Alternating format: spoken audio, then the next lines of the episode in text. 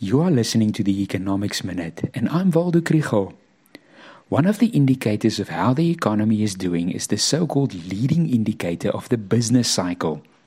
The cycle can be in an upswing, peak, downswing, or trough, and the leading indicator is a predictor of where in the cycle we might be in the next 6 to 12 months. The latest figure has fallen by 0.7% on a month on month basis and by 8.5% over the year. This indicates an economic downturn by next year. The Reserve Bank publishes this indicator in collaboration with the Bureau of Economic Research.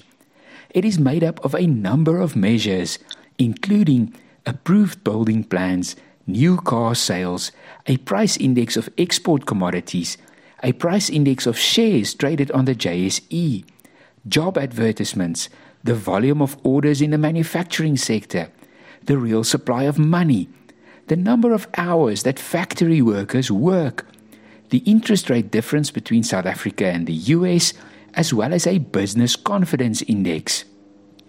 In the month of May, it was mainly the drop in the price index for export commodities and the decrease in approved building plans which caused the leading indicator to decrease.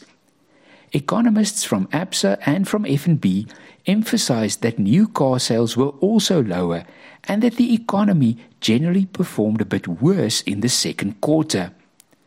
We hope that the outlook for the third quarter of this year looks better.